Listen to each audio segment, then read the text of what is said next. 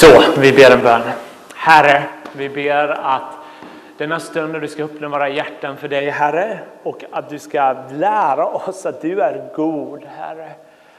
Och din godhet har alltid varit sann, den är konsekvent och du har alltid varit god, Herre. Så låt oss väcka den tron i oss så vi tror på det, Herre. I Jesu namn. Amen. Vi lever i en värld där det, där det är fyllt med lidande. Om du har aldrig varit med om en period av riktigt lidande så kommer det förmodligen komma. Det är en sån värld vi lever i. Eh, det är bara att slå upp Dagens Nyheter så får man höra hemska saker som har hänt. Det är del av mänskliga alltså liksom, nyheter. Jag slog upp det idag. Det var något om misshandel och så vidare. Eh, och det är väldigt enkelt att känna när man hör om terrorism, om, om eh, gängkriminalitet, om pandemier. Det är väldigt enkelt att känna att världen är inte vad den borde vara. Det är någonting som är helt fel. Eh, och i en sån värld som vi lever i är det väldigt enkelt att ställa sig frågan var är Gud? Var är Gud när all den här ondskan pågår? Och sen 11 september 2001, 20 år sedan, så har det skrivits böcker efter böcker av rätt kända ateister som har velat slå på den spiken ännu mer och sagt Ser ni inte alla här lidande i världen? Om ni verkligen tror på en god Gud som är allsmäktig varför stoppar han inte all det här elände, all den här ondskan? Så hur förenar vi en god Gud i en värld fylld av ondska? Och idag ska jag bara ge några reflektioner. Det här är ett stort, stort ämne.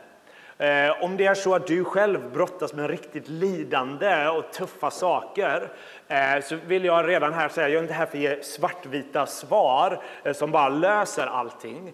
Ehm, eh, där det här är en stor och viktig fråga. Men jag tror det finns väldigt, väldigt mycket att säga. Så idag kommer vi bara ha några reflektioner kring detta.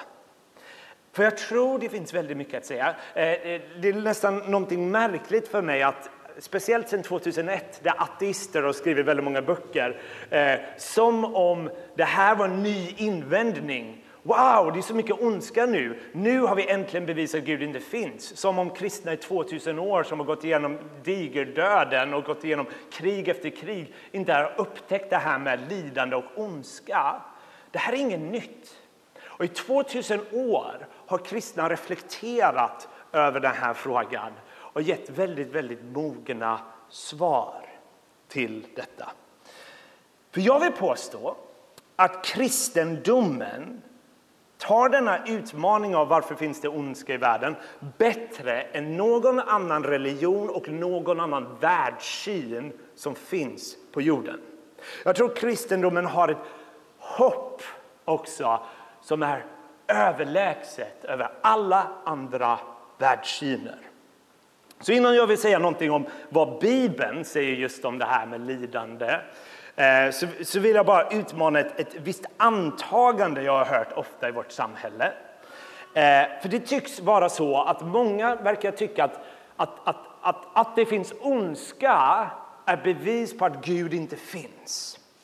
Eh, att, att man pekar på all ondska och säger se, därför vet vi att Gud inte finns. För om Gud finns hade inte den här ondskan tillåtits. Och antagandet är som att kristendomen kan inte förklara detta, men säg till exempel ateism eller naturalistisk världssyn kan. Och det antagandet vill jag bara utmana. För jag skulle vilja säga, innan jag säger någonting vad kristendomen säger om det här, skulle jag vilja säga att ateism som världssyn har inget svar till ondskan i världen. Det tycks för mig snarare att att invändningen mot kristen tro, att det finns för mycket ondska för att Gud ska kunna finnas, det påståendet antar Guds existens. Vad menar med det här? För när man säger det finns för mycket ondska så antar man att ondska finns. Ondska är någonting som finns på riktigt. Presidenter pratar om de här terroristerna, de har gjort ondskefulla saker. Vi pratar om orättvisor, vi pratar om mänskliga rättigheter. Men var kommer de här rättigheterna ifrån? Var kommer det här? Hur kan vi kategorisera vissa saker som ondskefullt och gott? Inte från vetenskap. Vetenskap kan bara säga hur saker är, inte hur det borde vara. Och det kanske ger en modell snarare, ja, det är bara så den evolutionistiska processen har lett till att vi agerar så här. Det är bara att gilla läget. Nästa generation kommer kanske tycka annorlunda. Vi kan inte styra det där. Så antagandet att ondska finns i världen för mig är snarare ett bevis på att det måste finnas någonting som är gott. Så sett tror jag nästan ondska i världen är snarare ett bevis för Guds existens snarare än motbevis. För jag tror att vi alla vet innerst inne att det finns saker som är rätt och fel. Det finns saker som är gott och ondskefullt. Ehm, Dostojevskij, den stora ryska författaren, sa att om Gud inte finns så är allt tillåtet. Alltså man får göra vad man vill. Ehm, det finns ingen lag som säger att våldtäkt och sånt här är fel. Vi kanske tycker det är lite kulturellt tabu. Men hur kan vi säga att det här är ondskefullt rent från ett eh, liksom naturalistiskt perspektiv? Dostojevskij var ju själv troende, så han utmanade detta. Richard Dawkins, den kändaste ateisten i modern tid, säger så här. I ett universum av elektroner och själviska gener, blinda fysiska krafter och genetiska kopiering, genetiska kopiering kommer vissa människor att skadas, andra kommer bli lyckliga och det finns ingen rim eller reson i det och inte heller någon rättvisa.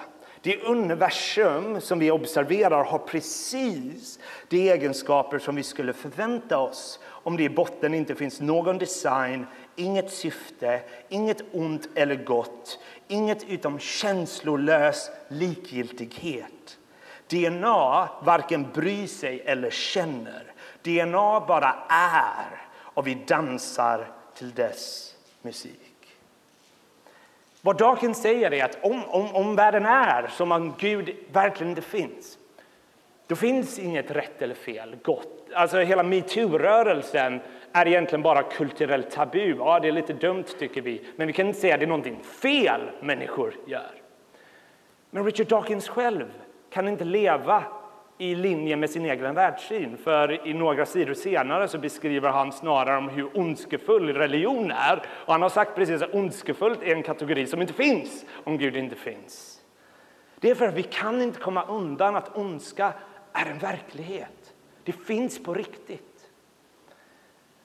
En av 1900-talets största poeter, eh, om ni kan era poeter så borde ni kunna eh, W.H. Auden. Och Aden var en respekterad akademiker och var en ateist. Han fick fly till eh, USA på grund av Nazityskland. Han ville inte ha med dem att göra.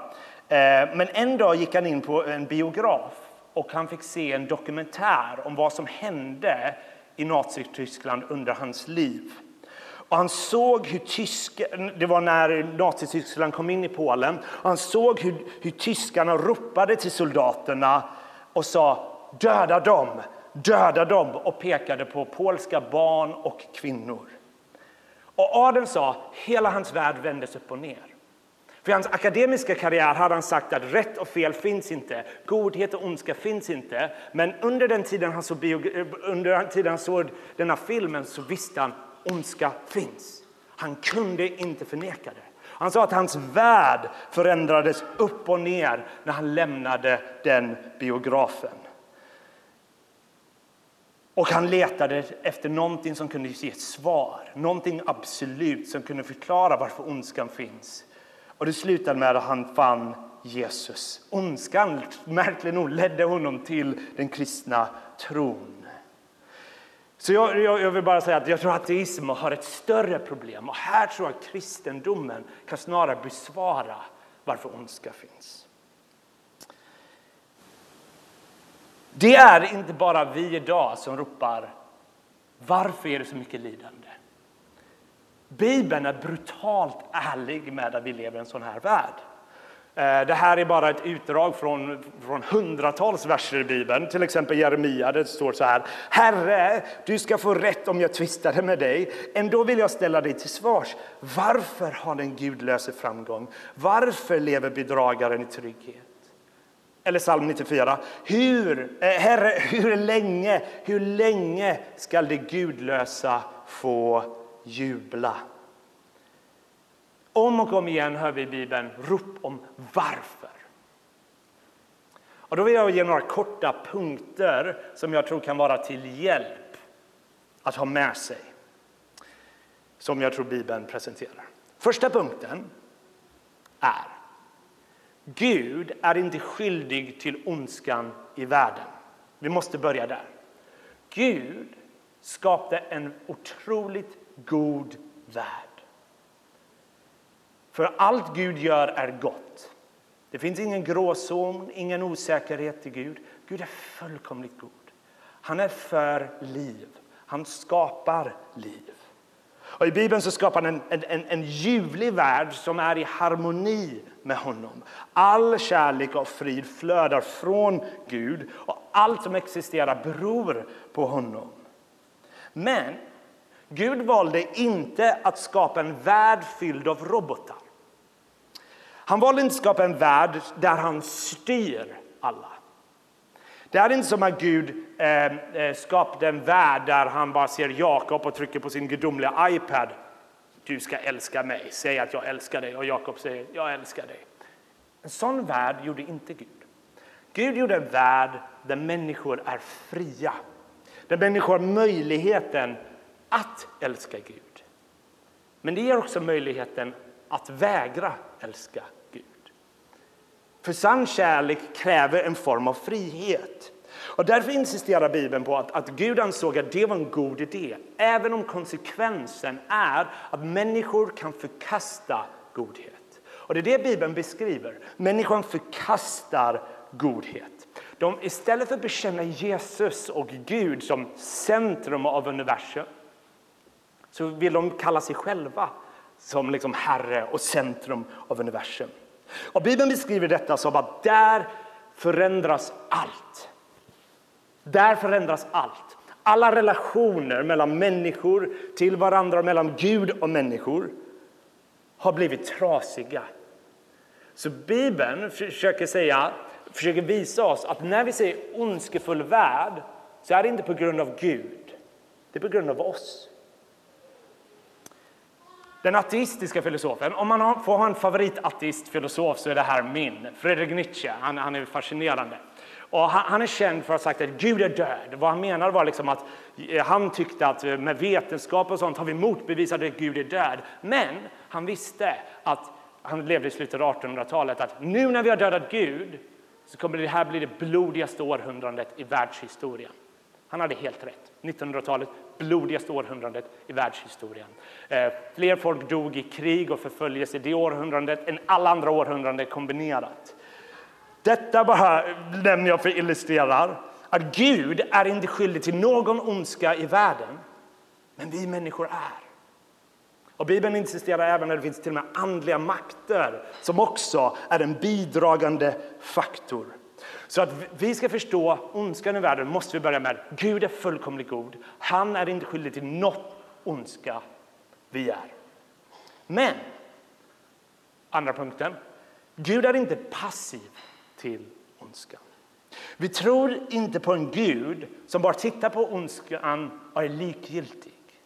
Som att han inte reagerar. Som att han inte vore berörd av vad som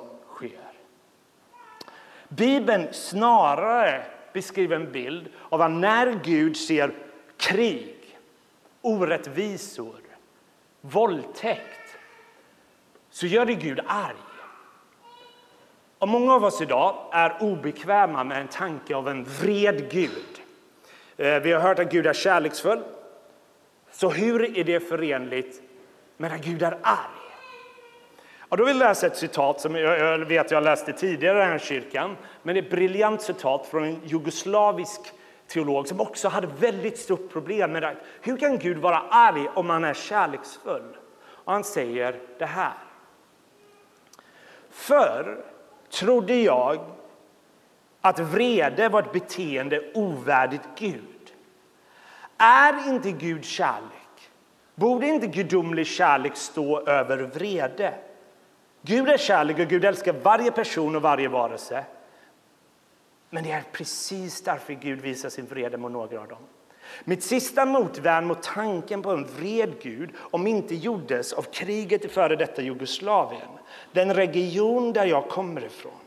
Enligt vissa uppskattningar så dödades över 200 000 människor och över 3 miljoner blev fördrivna. Mina byar och städer var förstörda. Mina folk skadades dag in och dag ut. Några av dem mer brutalt behandlade än att det går att föreställa sig. Och jag kunde inte föreställa mig en Gud som inte var arg. Eller tänk på det sista årtiondet, eh, på det förra århundradet i Rwanda där 800 000 människor huggs till döds under loppet av 100 dagar. Hur reagerade Gud mot det blodbadet? Genom att dalta med förövaren som en morfar? Genom att vägra fördöma blodbadet och istället bekräfta förövarnas grundläggande godhet? Var inte Gud enormt arg på dem? Även om jag brukade klaga hur oanständig tanken på Guds vrede var så har jag kommit till insikt att jag skulle vara tvungen att göra uppror mot en Gud som inte fylldes av vrede när han såg världens ondska. Gud är inte vred trots att han är kärlek. Gud är vred därför att han är kärlek.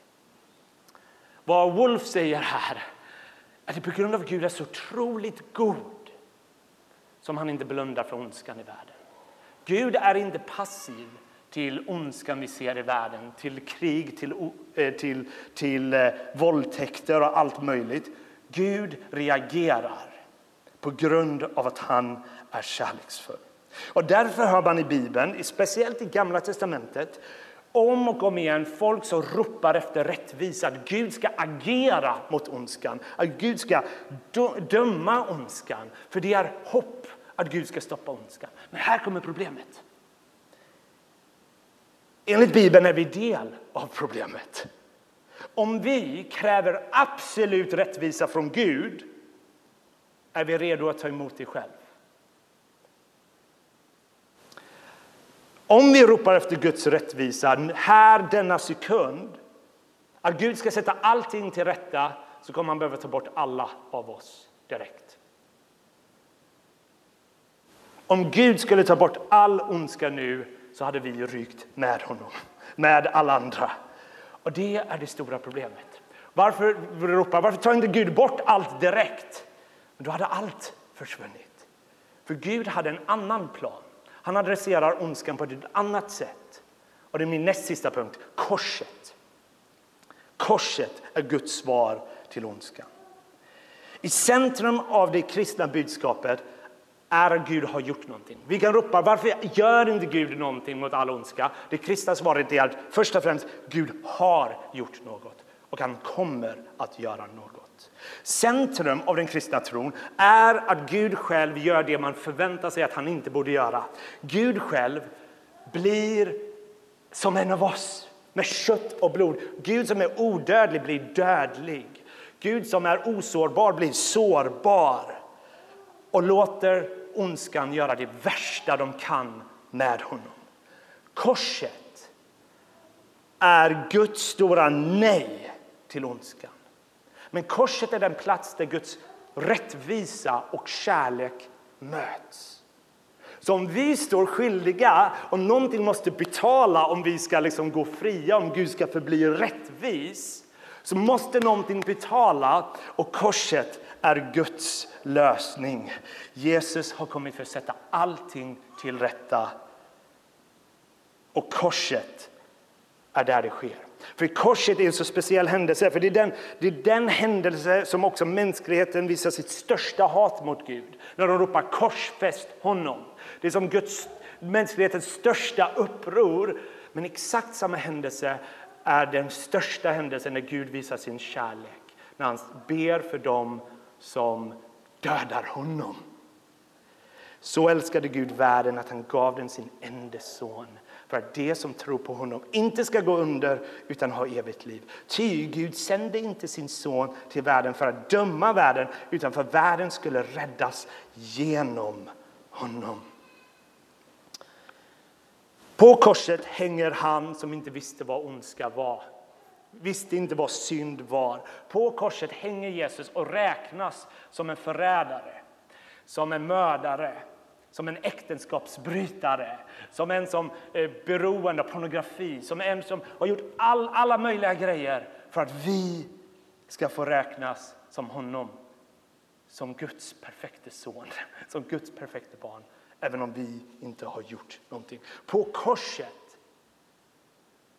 så dör Gud för våra synder, men han också identifierar med alla som lider.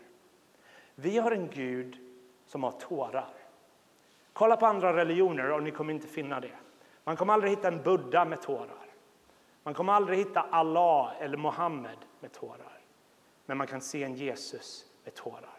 För vi tror på en Gud som har tagit an av all lidande. Jesus säger natten han blir, kvällen han blir förrådd, min själ är bedrövad ända till döds. Fattar ni? Universums skapare kan så identifiera med vad vi går igenom. Där vi kan veta att oavsett om vi kanske brottas med depression så har Kristus gått mörkare. Och hans sår är vår frihet. Hans sår är vår läkedom. För Jesus har identifierat med vårt lidande men har också betalt en gång för alla att det är fullbordat. Det är fullbordat. Så här skriver teologen Paul Metzger. Eh, jag önskar jag kunde läsa hela hans artikel för den är helt fantastisk. Men han säger så här om hur Jesus har både dött en gång för alla för oss men identifierar med all lidande idag. Så säger han så här. På korset blir Jesus offret och förövaren. Han blir synd, han blir folkmord, pedofili, våldtäkt, han blir avundsjuka, rivalitet, girighet, han blir vita lögner, otrohet, förlorad oskuldsfullhet så att vi kan bli Guds rättfärdighet. Jesus går den gröna milen till den elektriska stolen, till Colombina-massakern, till Auschwitz, till rummet fyllt med blod där en tjej med skurna armar sitter gråtande. Han tar chocken och den elektriska stöten. Han låter kulan genomborra hans huvud och hjärta. Han inandas gasen i förföljelsens gaskammare och hänger i Nürnbergs rättegångsgalgar. Han tar flickans rakblad mot sitt kött, mot sitt trasiga ögonbryn, mot hans handflator och sin sida och utbryter brister, det är fullbordat. Och det leder mig till min sista punkt som kommer att vara väldigt kort. Ondskan kommer en dag att tystas. Vi kan säga att världen vi ser är inte som den borde vara, men Bibeln insisterar på att en dag kommer den att bli som den borde vara. Och om vi tillhör Jesus så är vår framtid otroligt ljus. Oavsett vad för mörker och depression vi kanske må brottas med så tror jag det finns redan idag frihet för det där. Men jag kan lova er, för alla som tillhör Jesus Kristus är vår framtid otroligt ljus. För Jesus ska tysta all ondska. Ondskan kommer inte ha det sista ordet. Det kommer inte bli helvetet på jorden. Det kommer bli paradis på jorden. För Gud har segrat. Korset ger oss en inbjudan att vi kan få ta evigt liv med honom. Det är också ett löfte att ondskan kommer inte härska, den kommer tysta. Och den onde vet att hans tid är kort. Varje dag är ett steg närmre. Och det kan ge oss tröst. Paulus skriver så här. Mina kortvariga lidande väger ju oändligt lätt mot den överväldigande eviga härlighet det breder åt mig som inte riktar blicken mot det synliga utan mot det osynliga.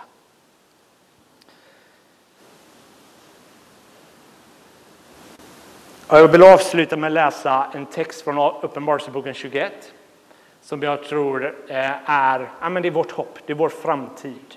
Det här är vad världen är på väg. Där Gud ska en dag torka bort alla tårar och mer kan bli läkt än vad vi någonsin vågar drömma om. Och redan idag tror jag vi kan ta del av läkedom och hopp. Men vår framtid är detta jag ska läsa nu. Så bara ta emot det som Guds löften till dig och till mig och bevara detta som en skatt i era hjärtan. Och påminn er och glöm aldrig denna skatten. Så här står det om vårt hopp. Jag såg en ny himmel och en ny jord. Ty den första himlen och den första jorden var borta och havet fanns inte mer. Och jag såg den heliga staden, det nya Jerusalem, komma ner ur himlen från Gud, redo som en brud som är smyckad för sin man. Och från tronen hörde jag en stark röst som sa Se, Guds tält står bland människorna och han skall bo ibland dem och det skall vara hans folk och Gud själv ska vara hos dem och han ska torka alla tårar från deras ögon. Döden skall inte finnas mer och ingen sorg och ingen klagan och ingen smärta ska finnas mer.